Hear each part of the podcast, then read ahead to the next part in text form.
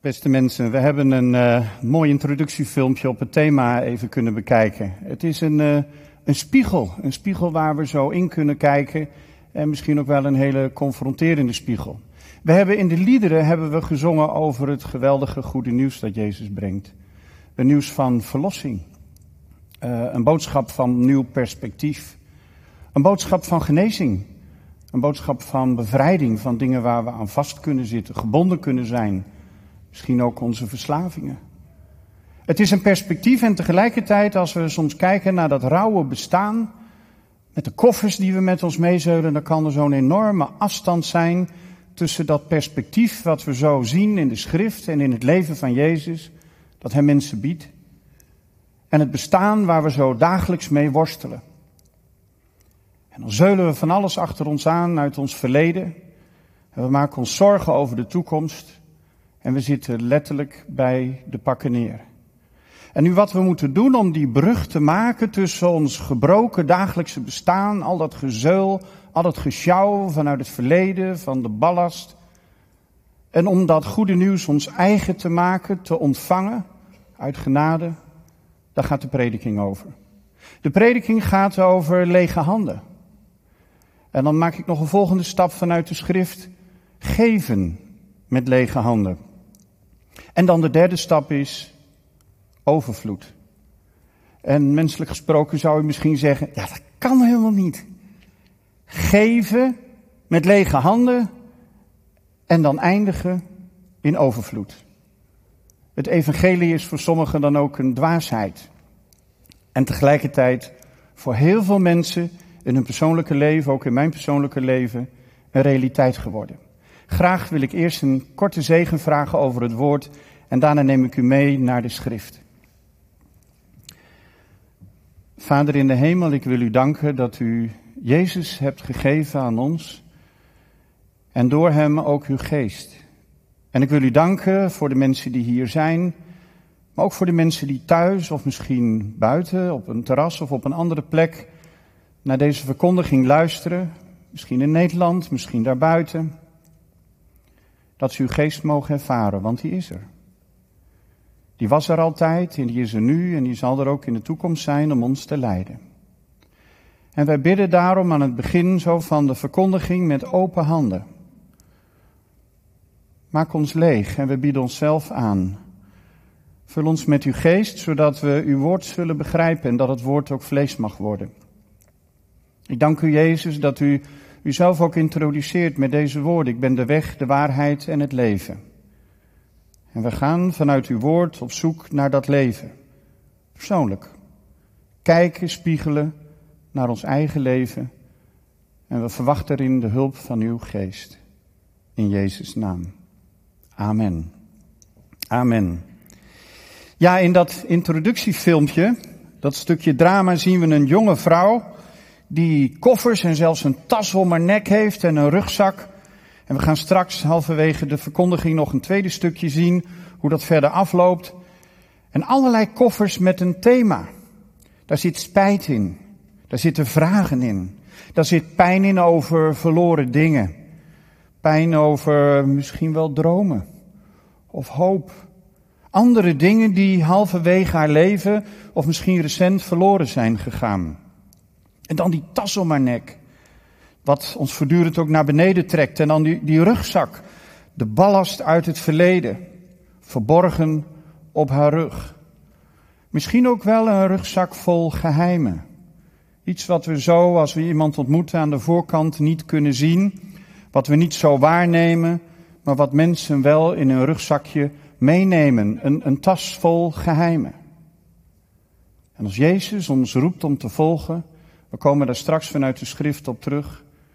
Dan wijst hij ons ook op die zaken die een belemmering zijn. Die we nog achter ons aanslepen, waardoor wij niet de volgende stap kunnen zetten. Het thema is dan ook geven met lege handen. En, en eindigen met overvloed. Dus zoals ik al zei, ja, dat, dat is een dwaasheid. Hoe, hoe kun je nou geven met lege handen? En, en dan eindigen met overvloed. Nu wat bij onze redenering onmogelijk is, dat is bij God mogelijk. Nu, een belangrijk doel van de gemeente van Jezus Christus, waar wij als Vrije Baptisten hier in Bethel onderdeel van zijn, Dat is dat mensen Jezus gaan volgen. Dat ze Jezus leren kennen. En misschien kent u hem nog niet. En dan is mijn gebed dat u hem door de woordverkondiging, maar vooral ook door wat u zult ervaren door de verkondiging heen, Gods stedere geest die u vandaag roept om hem te volgen, dat u hem beter gaat leren kennen. Maar Jezus volgen wil ook zeggen volgende stappen zetten. Volgende stappen zetten en misschien nog eens wat koffers inleveren. Of nog een stukje van een koffer wat u hebt laten zitten. Of misschien wat als ballast om je nek is komen hangen. Om dat af te leggen. En misschien ook wel een geheim in uw leven eindelijk op te ruimen. De afstand tussen ons gebroken dagelijkse bestaan en het goede nieuws dat ontstaat soms, en dat soms is vaak toch in veel gevallen zo, door de ballast en de dingen die wij zelf vasthouden. Ik ben parttime hoogleraar aan de Rijksuniversiteit Groningen en ik hou mij onder andere bezig met veranderkunde. Hoe komen wij tot verandering? En is het interessante wat we zien, dat een ingrijpende verandering begint niet als we nog heel veel weten. Als er nog heel veel activiteit is. Als we van allerlei plannen hebben en heel veel mensen hebben die zeggen, ja, we gaan ervoor. Weet u wanneer er een grote ingrijpende verandering plaatsvindt? Dat is precies op het punt dat we leeg worden. Dat we het even niet meer weten. Als je een glas wil vullen met nieuw vers water, moet je hem eerst leeggieten, omspoelen, schoonmaken. En dan kun je een glas weer opnieuw vullen met water. Als je leven wilt vullen, gevuld laat worden met de Heilige Geest, met een nieuw perspectief voor een nieuw seizoen, misschien een baan, een studie, zoals ook al genoemd is, een nieuwe stap, dan moet er eerst ruimte komen in ons leven. En hier op het podium staan ook een aantal koffers. Ik kom daar straks heel kort nog op terug. Koffers die wij mee kunnen zeulen in het leven. Nu, we gaan de eerste stap zetten in dat drieluikje lege handen, daarna geven. En daarna zullen we stilstaan bij het thema overvloed. Geven met lege handen en eindigen met overvloed. Laten we beginnen bij het begin. Jezus, toen hij ongeveer 30 jaar oud was, riep zijn eerste leerlingen bij elkaar. En wat, wat hadden deze, deze mensen, wat hadden ze het druk? Mannen en vrouwen kwamen in zijn gevolg en hij riep twaalf leerlingen riep hij bij elkaar. Steeds twee en twee is heel bijzonder. Hij roept steeds kleine groepjes of verwanten of familieleden. Mensen die samen het besluit nemen om hem te volgen. En als hij dan als jonge rabbi uit Nazareth mensen roept om hem te volgen, dan is daar geen programma. Is daar geen leergang, is daar geen gebouw, er staat niet ergens een bordje. Je hoeft je nergens in te schrijven, niet te solliciteren. Nee, dan gaat een roepstem van God de Vader door de Zoon uit naar deze wereld. En heel specifiek roept Jezus een aantal mensen tot zich. Met deze woorden. Kom, volg mij. En dat is natuurlijk bijzonder om zomaar op iemand af te stappen en te zeggen, kom, volg mij. En we gaan eens kijken vanuit de schrift wat daar gebeurt. Laten we naar die dia gaan met dat Bijbelgedeelte. We lezen uit het Evangelie van Marcus 1. We zullen de gedeelte allemaal uit Marcus halen vandaag. Um, Marcus 1 en dan lezen we vanaf vers 16. En toen Jezus langs het meer van Galilea liep, zag hij Simon en Andreas, de broer van Simon. En die waren bezig hun netten uit te werpen in het meer. Het waren vissers. En Jezus zei tegen hem, kom volg mij. En ik zal van jullie vissers van mensen maken. Als we dan doorlezen zien we dat ze meteen die netten achter zich laten en hem volgen. Wat, wat, een, wat een bijzonder verhaal. Dus er loopt een man langs de oever van het meer. En die staat stil en iedereen is druk, want het is druk aan zo'n oever. Want vis, dat is een gevoelig product. Dat moet snel in manden en naar de markt en verhandeld worden. En er wordt gediscussieerd over de prijs en over de soort. En misschien zit er een bijzondere vis tussen of zijn het allemaal magere visjes. Het is een drukte van belang en, en de families zijn blij dat de vissersmannen weer terug zijn. Dat ze een soms gevaarlijke tocht, het is een diep meer en met valwinden en stormen, dat ze het weer hebben overleefd. En misschien zijn ze hun centjes alweer aan het tellen van hoeveel ze zullen verdienen. En dan zijn er nog een paar die hun netten aan het uitwerpen zijn. Misschien wel van die werpnetten of vanuit de boot. En dat is Simon en Andreas. En wat zijn ze er druk mee? En dan staat daar een persoon, Jezus uit Nazareth, bij hun leven stil. En Jezus spreekt hun aan. Volg mij. En ik denk dat ze zo hun net even hebben laten vallen en elkaar even hebben aangekeken. Een paar seconden. En dan, wat doen ze? Ze volgen hem. En ik denk dat iedereen dacht, wat, wat, wat, gebeurt hier? Eh, ze, ze waren nog aan, aan het vissen. Misschien hebben ze wel een paar visjes in hun boot liggen. Of aan de oever liggen. Misschien zitten er nog een paar in hun werpnetten. Maar ze volgen Jezus. En dan zien we verderop in het verhaal dat er nog anderen worden geroepen, Jacobus en Johannes. En daar staat dat ze hun vaders Zebedeus en de dagloners, de mensen die in dienst zijn van het bedrijf, van het visbedrijf, achterlaten. Want zij zijn bezig met reparaties. Zij zijn bezig zo in de drukte van alle dag dingen te repareren. Ze hebben al gevist, ze hebben misschien van alles binnengehaald, maar de netten zijn wat beschadigd en kapot gegaan. Want dat krijg je met vissen. Als je aan het vissen bent en dingen ophaalt, dan gaan de netten wel eens kapot. In die tijd was het vast drijfhout of misschien wrakstukken waar zo'n net in bleef hangen. En in deze tijd leven we in een tijd van plastic soep. En misschien ook wel wrakstukken of containers of andere troep die in de zee of in de meren drijft. Daar gaan de netten van stuk. Laten we even dicht bij het verhaal blijven. Visnetten. Een mens is van nature een verzamelaar. Nu, ik weet niet hoe het u vergaan is, maar in onze zomervakantie, we zijn uh, niet weg geweest, we zijn uh, in mooi Friesland gebleven. En uh, mijn zoon, we praten in gebarentaal, die maakte wel een paar keer het gebaar dat hij met het bootje naar Schiermonnikoog over wilde. Met het kader van corona hebben we dat toch niet gedaan. Maar er zijn ook bootjes dichtbij, ik weet niet of ik het goed zeg, in Ernewoud heb je ook een bootje, is een pontje, gaat zo uh, even over het water heen en weer. En we zijn met het bootje heen en weer geweest. En we zijn uh, gezellig naar een museum geweest. En openluchtmuseum en gewoon dagtochtjes. Wat is Friesland, wat is de schepping toch, toch mooi. Maar we hebben ook iets anders gedaan. We hebben opgeruimd. En dat hebben we wel meer gedaan in coronatijd. De schuur en de kasten en... Wat sleept de mens toch allemaal achter zich aan, zeg. En uh, op een gegeven moment uh, kwam ik bij de kringloopwinkel en ik dacht dat de dames, ik breng dat hier in Drachten bij Terre des Om, bijna onder de toonbank doken, want daar komen we weer met tassen vol. Met spullen van de kinderen van vroeger, schoenen, speelgoed, kleding die je zelf niet meer draagt, die niet meer past. Wat hebben we toch veel wat we achter ons aanslepen. En het was fijn dat mijn dochter, die studeert in Duitsland, die was even over voor haar summer school, dus die was bezig op internet uh, nog wat colleges te volgen. En uh, dat ik aan haar kon vragen, mag, mag ik dit wegdoen of wil, je dit nog gebruiken? Het gaat naar de kringloopwinkel, naar een goed doel. Uh, en dan was het vaak nog een hele discussie of het in de doos of in de koffer mee mocht. Maar wat ruimt dat toch heerlijk op, als de kasten, als de schuur, als de zolder. Als er in al die plekken ruimte komt en de ballast weer verdwijnt. En binnen de kortste keren, dan zie je weer dat je weer van alles weer verzamelt zijn de buren bij een kringloopwinkel geweest en die denken, oh, dit is nog leuk voor jullie, of je vindt nog weer eens wat anders. We zijn verzamelaars van nature en zo gaat het ook met ons hart. Wat hebben we in ons leven veel verzameld? Mooie dingen, maar ook minder mooie dingen. En dan ga ik even terug naar dat andere stukje van die twee andere discipelen. We zijn soms ook heel veel werk aan het verzamelen, zoals dat vissen, die activiteit maar na het werk moet er ook nawerk plaatsvinden. Nu, een van de koffers die we soms achter ons aanzeulen is dat we werk doen wat niet meer bij ons past of wat ons te zwaar is.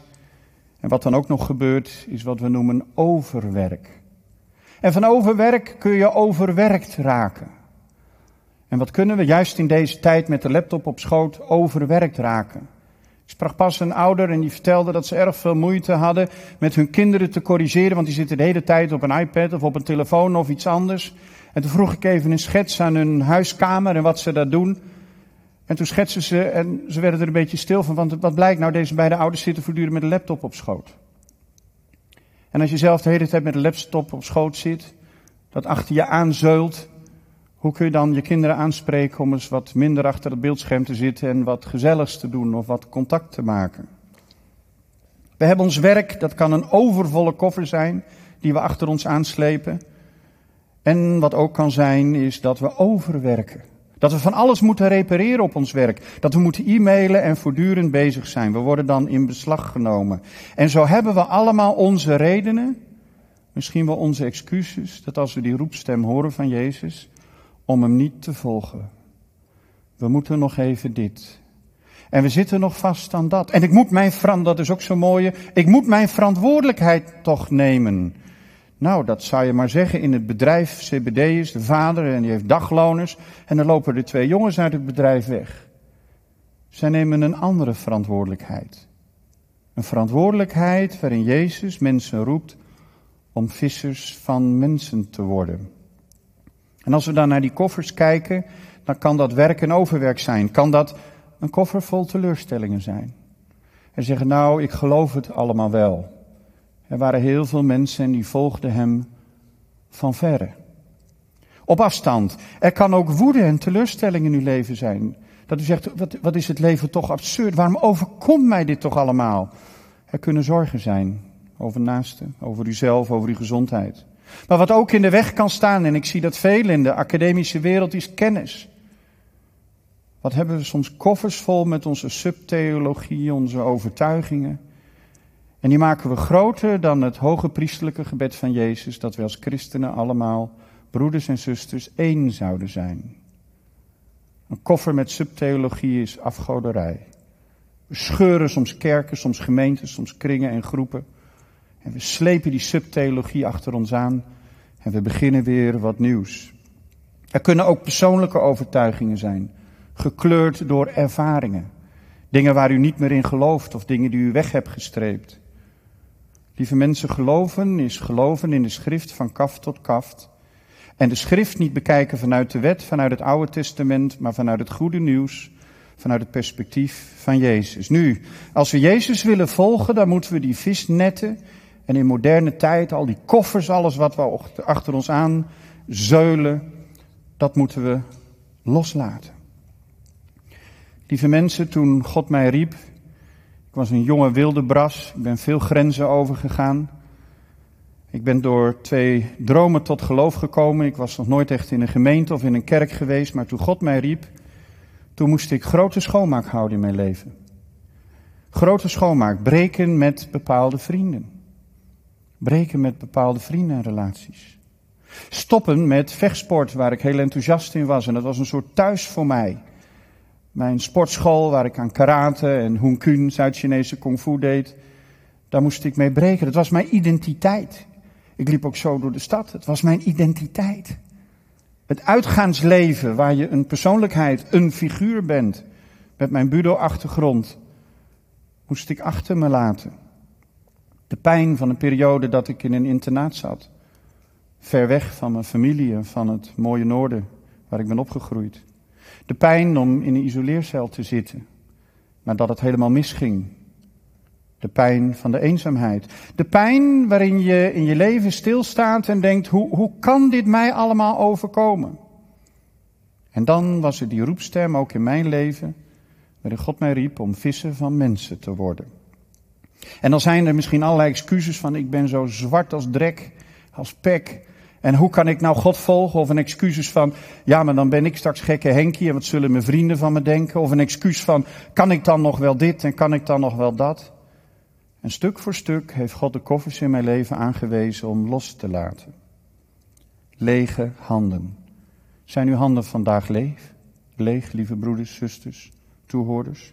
Want als u dat goede nieuws wilt ontvangen, een nieuws van vrijheid, een nieuws van herstel, ook van genezing, van bevrijding en misschien ook wel loskomen van een verslaving, dan moeten we de eerste stap zetten om daar te komen, om Jezus te volgen. Dat is koffers achter ons laten. De visnetten laten voor wat ze zijn. Stoppen met ons eigen leven te repareren. Daarvoor gaan we naar een volgend schriftgedeelte en dat heet de belofte.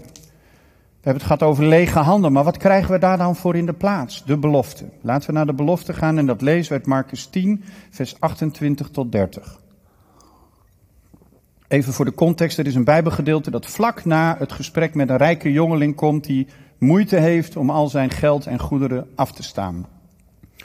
En ik lees uit Marcus 10, vers 28 tot en met 30. En Petrus nam het woord en zei, maar Heer, we, hebben, we hebben alles achtergelaten om u te volgen.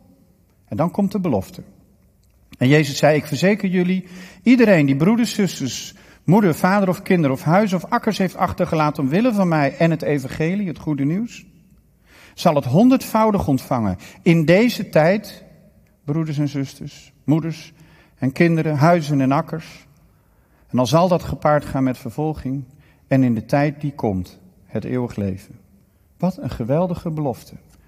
Als wij lege handen maken om Jezus wil, dat wil zeggen alles wat in de weg staat om zijn wil te doen. Als wij lege handen maken om Jezus wil, om het goede nieuws te ontvangen door Gods geest en genade in ons leven, dan krijgen we daar overvloed voor terug. Overvloed. Wat een belofte. Als de leerlingen met Jezus wandelen, dan krijgen ze allerlei levenslessen. En er staan meerdere levenslessen in de schrift die gaan over lege handen, lege handen krijgen. En ik haal er even eentje met u uit. En dit is de worsteling die we vaak hebben. We zien dat ook vaak in de psychologie terug, in de behandeling, in de begeleiding van mensen. Dat het enorm worsteling is, een enorme strijd is om van oude patronen af te komen koffers en dingen waar we zo aan gehecht zijn. En dingen die de kaal vreten, die de tegenstander ook heeft vernietigd in ons leven, of zelfs heeft geplant in ons leven.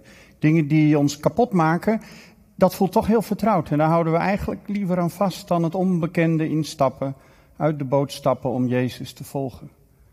En wat ze doet is, ze zet de eerste stappen. En bij de eerste stappen spreekt Gods geest tot haar gedachten, want ze heeft nog één rugtas, nog één geheim bij zich. En zonder dat geheim kan ze niet de volgende stap zetten. En waarom is het te zwaar, lieve mensen? Waarom is het te zwaar om Jezus te volgen? En waarom voelen we het lang niet altijd zo? Omdat we nog heel veel vasthouden.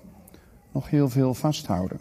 We gaan heel kort naar een aantal Bijbelgedeelten, want ook gelet op de tijd gaan we een aantal dingen nog even heel kort aanstippen. En ik lees graag met jullie naar in Marcus 6, vers 36. Ik ga graag met jullie naar de schrift. Marcus 6, vers 36. En daar is een situatie dat er heel veel mensen Jezus zijn gaan volgen en zijn leerlingen en zijn discipelen. En dan, eh, ja, dan is er dat probleem van hoe gaan we nou al die mensen voeden? Want die mensen zijn enthousiast, zijn hongerig. En dan staat er, dan staat er het volgende. Stuur hen weg. Dan kunnen ze naar de dorp en de gehucht in de omtrek gaan om eten te kopen. Maar hij zei, geef jullie hun maar te eten. Dan hebben ze een paar broodjes en visjes. Een paar broodjes en visjes. En Jezus dankt en hij bidt. En dan gebeurt er dat geweldige wonder. Lees dat gedeelte zelf maar even door en uit. En dan is er overvloed. Vijfduizend mensen krijgen te eten. Er waren maar een paar broodjes en visjes en er was lang, lang niet genoeg. Daar stonden ze weer met lege handen. Ze hadden hun koffers hadden ze opgegeven en daar stonden ze weer met lege handen. En wat doet Jezus? Alle tekort verzamelt hij, die paar broodjes en visjes. En duizenden mensen krijgen te eten. En wat staat er nog meer? Er bleven twaalf mannen over. Voor alle leerlingen, voor iedereen. Twaalf leerlingen. En dat is de belofte die hier vervuld wordt. Als je een stap zet en een koffer achterlaat, als je alles achterlaat om mij te volgen, om mijnentwil, zul je ontvangen in Jezus' naam, in overvloed. Het zal geen makkelijke weg zijn, maar je zal visser zijn, visser worden van mensen. Ik moest in dit verband heel kort even denken aan 28 augustus. Ik zal het heel kort aanstippen. 28 augustus 1963, een grote toespraak van Martin Luther King. Hij staat er voor 250.000 mensen in 1963. En hij heeft een mooie speech, heeft iemand voor hem uitgewerkt, uitgeschreven. Maar ondertussen ja, is hij wel bezig met een verhaal, maar het raakt, het heeft de bezieling nog niet. En dan staat er iemand achter hem met lege handen. Het is Mahalia Jackson. Mensen kennen het verhaal achter I Have a Dream vaak niet. Staat er iemand achter. En, en, en wat doet Mahalia Jackson? Die bidt met lege handen. En die zegt, terwijl er een massa mensen voor Martin Luther King staat, Martin, Martin, tell them about the dream. En wat doet Martin Luther King? Baptistenpredikant, vol van de geest. Die maakt lege handen. Die schuift de toespraak aan de kant. Die Clarence B. Jones heeft geschreven. Een politiek-juridisch verhaal. Hij kijkt even naar Mahalia Jackson. Hij wordt geraakt in zijn hart door de roepstem van de Heer, volg mij. En hij begint met die historische woorden, de mooiste toespraak ooit. I have a dream. I have a dream. En Mahelia stond daar met lege handen. En ze was de inspirator, de aangever voor een toespraak die we nog steeds herinneren als een van de mooiste inspirerende toespraken ooit. Zij gaf haar gerstebrood aan Martin en Martin brak het over 250.000 mensen en ook vandaag ook in deze prediking mag ik daar nog even kort op terugkomen. Dus lieve broeders en zusters, denk niet te gering van uzelf. Als u lege handen hebt, kunt u het verschil maken voor één iemand, voor twee mensen, voor duizenden mensen, zoals Mahalia Jackson. We gaan naar de laatste dia om af te ronden en dan wil ik nog met u bidden. Waar hebben we bij stilgestaan?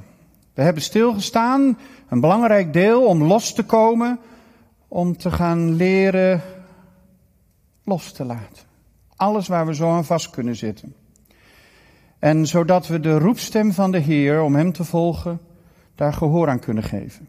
En daarna met lege handen te staan, zoals ook in dat filmpje, de laatste rugzak inleveren. Ja, en dan? En dan? En dan het te verwachten van Hem.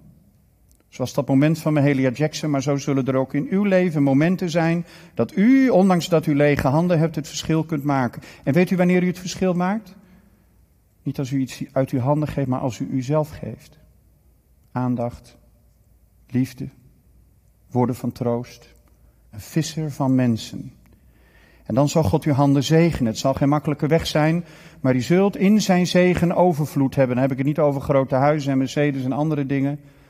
Maar de zegen van God, en dat is ook in veel gevallen een materiële zegen, maar is een zegen waarin uw leven zin en betekenis heeft. Weg bij wat de kaalvreter is stuk gemaakt in uw leven. Levend het goede nieuws. En uw leven krijgt zin en betekenis door het volgen van Jezus. Amen. Laten we bidden. Vader in de hemel, wij willen zo met lege handen bij u komen. Lege handen om dit woord te ontvangen. Lege handen ook om te zeggen wat hangt er nog veel aan ons leven, wat kleeft er nog veel aan ons.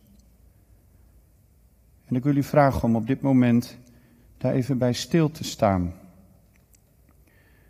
Misschien kent u Jezus nog niet en dan heb ik een vraag aan u. Misschien is het grootste wel wat u met u mee zult, uzelf. En Jezus nodigt u uit. En misschien hebt u zijn stem al wel eens gehoord of gedacht, ik zou toch eigenlijk een keuze moeten maken. En als u vandaag zijn stem hebt gehoord en hij roept u, ja, hij roept u ook vandaag.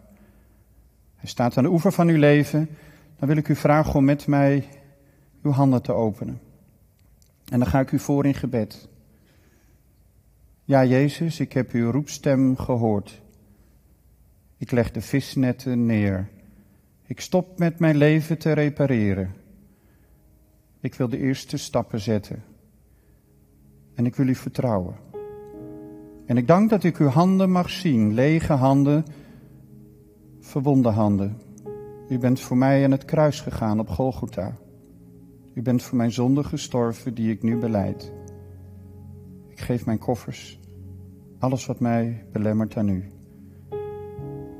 En ik mag een kind van de Allerhoogste zijn, van God de Vader, om Jezus wil, omdat Hij mij heeft geroepen.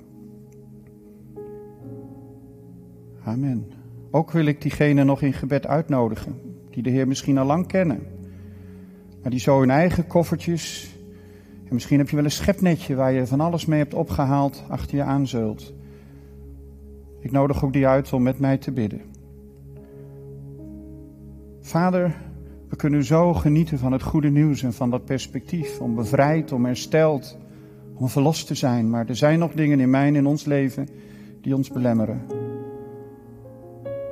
Vandaag houd ik schoonmaken en ik lever alles in wat nog in kasten en op zolder en in de schuur en in de koffers van mijn hart, wat ik hiermee omzeul.